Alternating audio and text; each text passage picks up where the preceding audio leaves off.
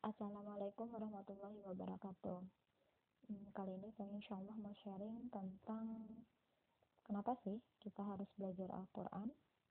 Oke, ini hasil kajian yang saya rangkum dari uh, kajian Ustadz Fitri Ciaci Jakarta. Oke, sekarang kita coba lihat uh, gadget yang kita punya saat ini deh, handphone kita. Berapa sih harga handphone kita? Harga handphone tuh ada yang mahal ada yang murah tergantung speknya ya. Tapi mau mahal mau murah setiap handphone itu pasti punya buku panduan. Pasti saat kita beli buku handphone selalu dilengkapi dengan buku panduan yang isinya semua hal mendasar bahkan sampai hal-hal yang perlu kita ketahui semuanya ada di buku panduan. Mulai dari tombol power dari menyalakan mencari lubang headset. Ah semuanya ada di buku panduan. Oke. Okay. nah itu baru berbicara tentang handphone gadget kita yang harganya mungkin tak seberapa. Sekarang bandingkan dengan hidup kita. Kalau kita bandingkan harga handphone dengan hidup kita apakah sebanding? Enggak lah ya. Jauh lebih berharga hidup kita yang tidak ternilai Masa handphone yang murah saja ada buku panduan? Apalagi hidup kita. Jelas, Allah sudah kasih panduan buat hidup kita supaya kita tahu hal-hal apa saja sih yang harus kita lakuin dalam hidup kita ini gitu. Oke. Okay. Kalau kita berbicara tentang panduan, apa sih panduan yang sudah Allah siapkan? Panduannya jelas adalah Al-Quranul Karim Al-Quran yang pasti dari setiap kita punya di rumah dan setiap dari kita pasti kita insya Allah sudah bisa membacanya membaca artinya mungkin tapi apakah itu cukup? oke okay. nah e, kali ini saya mau bahas tentang surat Ar-Rahman ayat 1 sampai 3 oke okay. Ar-Rahman salah satu surat uh, favorit banyak orang karena di sini berkisah tentang uh, kasih sayang Allah sama kita. Oke, okay. uh, lanjut ya. Um, bahas tiga ayat pertama yaitu Ar-Rahman. A'udzubillahi minasyaitonirrajim. Bismillahirrahmanirrahim. Ar-Rahman 'allamal Qur'an khalaqal insan. Oke. Okay ayat pertama Ar-Rahman. Nah, kata Rahman, nah di sini kata Ar-Rahman artinya itu Sang Maha Penyayang. Nah, secara grammar ini katanya posisinya itu adalah sebagai subjek, artinya yang melakukan sesuatu sesuai dengan kualitas sifatnya. Ar-Rahman berarti dia posisinya adalah sebagai subjek yang melakukan sesuatu sesuai dengan kualitas sifatnya. Sifatnya apa? Sifatnya ini mirip dengan kata rahim. Oke, kita bahas dulu sedikit. Apa itu rahim? Rahim itu adalah apa organ di tubuh wanita. Nah, setiap wanita pasti punya rahim, punya rahim. Apa itu rahim wanita? Rahim itu adalah tempat tumbuhnya manusia okay. mungkin hanya wanita yang bisa merasakan betapa nikmatnya ya. Oh, betapa ajaibnya gitu salah satu organ rahim ini. Apalagi yang sudah merasakan hamil dan melahirkan ini ajaib banget rasanya. Di dalam badan kita di dalam badan itu mengandung juga manusia. Oke. Okay. rahim kita bayangkan apa sih proses yang terjadi di dalam rahim? Awalnya di dalam rahim itu hanya ada sel telur lalu terjadi pembuahan bertemu dengan sel sperma dari situ mulai kehidupan mulai terjadi. Mulainya sel kecil lalu berubah ah selnya membelah makin banyak terbentuk uh, sel-sel jaringan organ lalu terbentuklah wujud fisik yang sempurna. Siapa sih yang bisa bikin jadi begitu? Apakah si ibunya sendiri? Bukan ibunya sendiri itu bahkan nggak sadar kalau hal hal besar itu terjadi di dalam rahimnya. Ibu-ibu tahu ya ibu rasakan kalau di trimester pertama awal itu ada rasa mual yang hebat biasanya.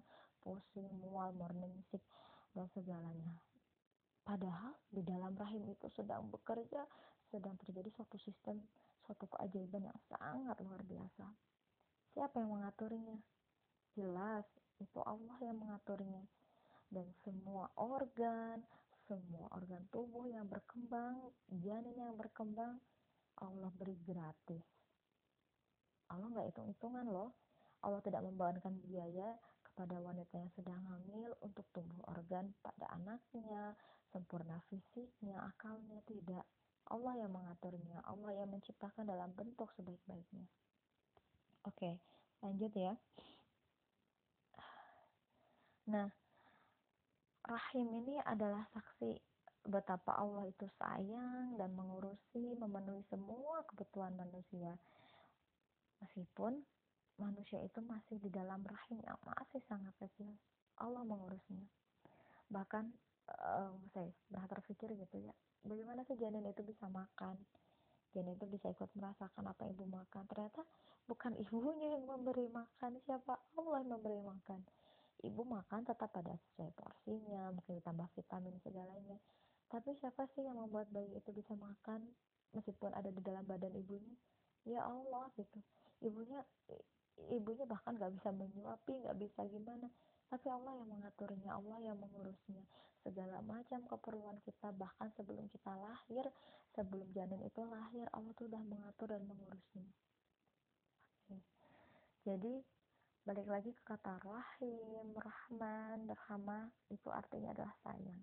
Jadi Ar-Rahman ayat pertama dalam surat Ar-Rahman ini adalah bentuk superlatif artinya adalah yang paling sayang, subjek yang paling sayang, yang paling sayang. Mungkin bisa dibilang cinta tanpa syarat, ya itulah salah satu bukan salah satu mungkin contoh paling real itu adalah ya Allah gitu. Uh, cinta cinta yang paling cinta gitu rasa sayang yang lebih daripada sayang. Pokoknya yang paling sayang sama kita yaitu Allah gitu Ar-Rahman. Oke. Okay. itu ayat satu ya tentang pengertian Ar-Rahman. Jadi Ar-Rahman ini ayat satunya menjelaskan tentang sosok yang paling sayang sama manusia. Siapa sih sosok yang paling sayang sama manusia? Ya Allah pencipta kita. Yang menciptakan kita dialah yang paling sayang sama kita Oke, masuk ke ayat kedua, alamal Quran. Di sini artinya yang telah mengajarkan Al-Quran. Oke, masuk dulu ke ayat ketiga.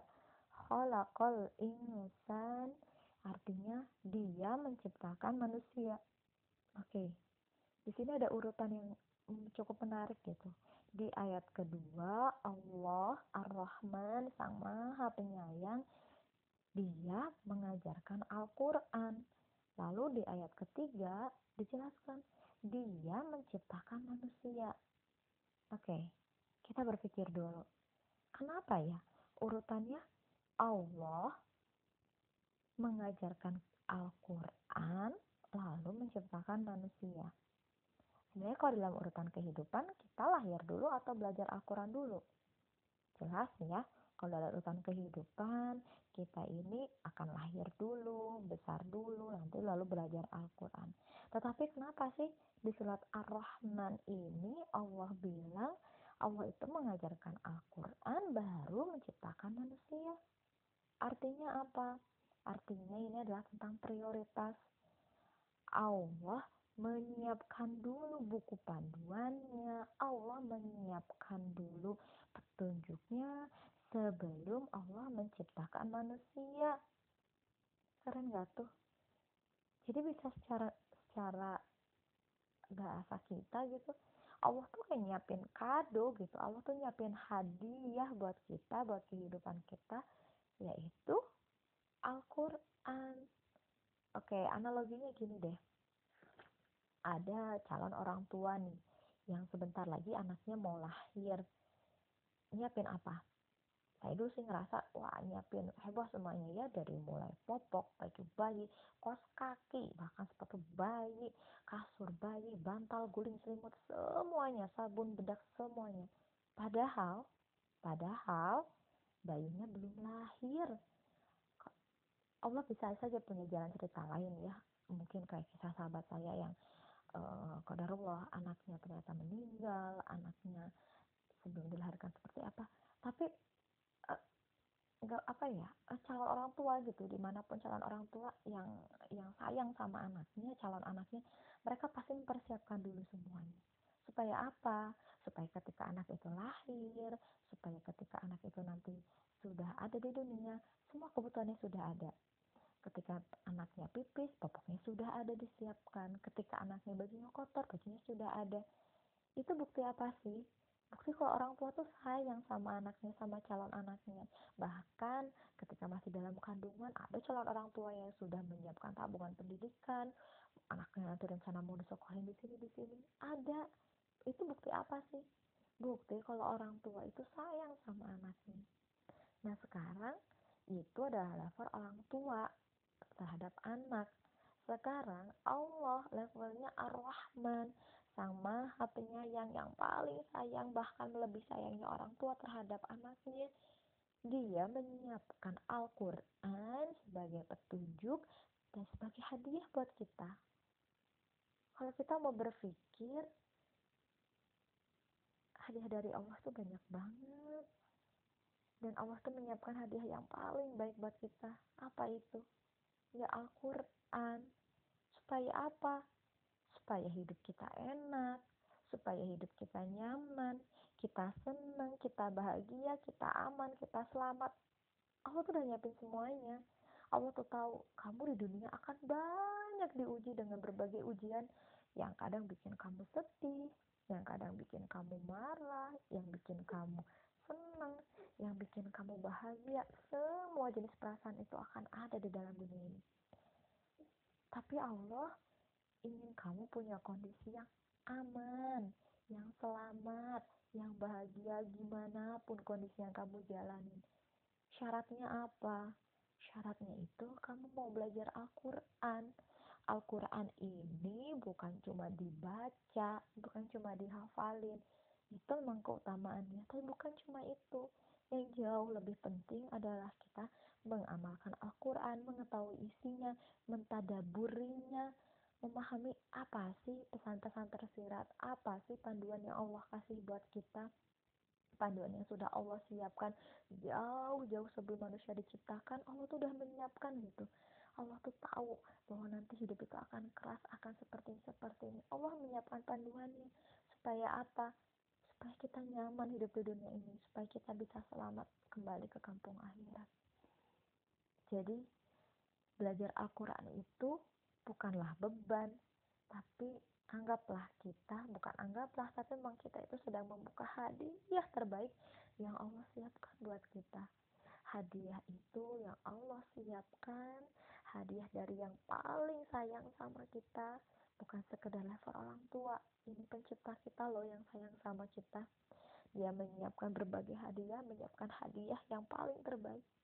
Masa sih kita nggak mau belajar masa sih kita nggak mau membuka hadiah yang udah Allah kasih? Masa sih kita nggak mau membaca petunjuknya? Kalau kita ngerasa sedih dalam hidup ini kalau kita merasa gagal dalam hidup ini kita merasa nggak tahu arah kita harus ngapain harus gimana harus ke mana.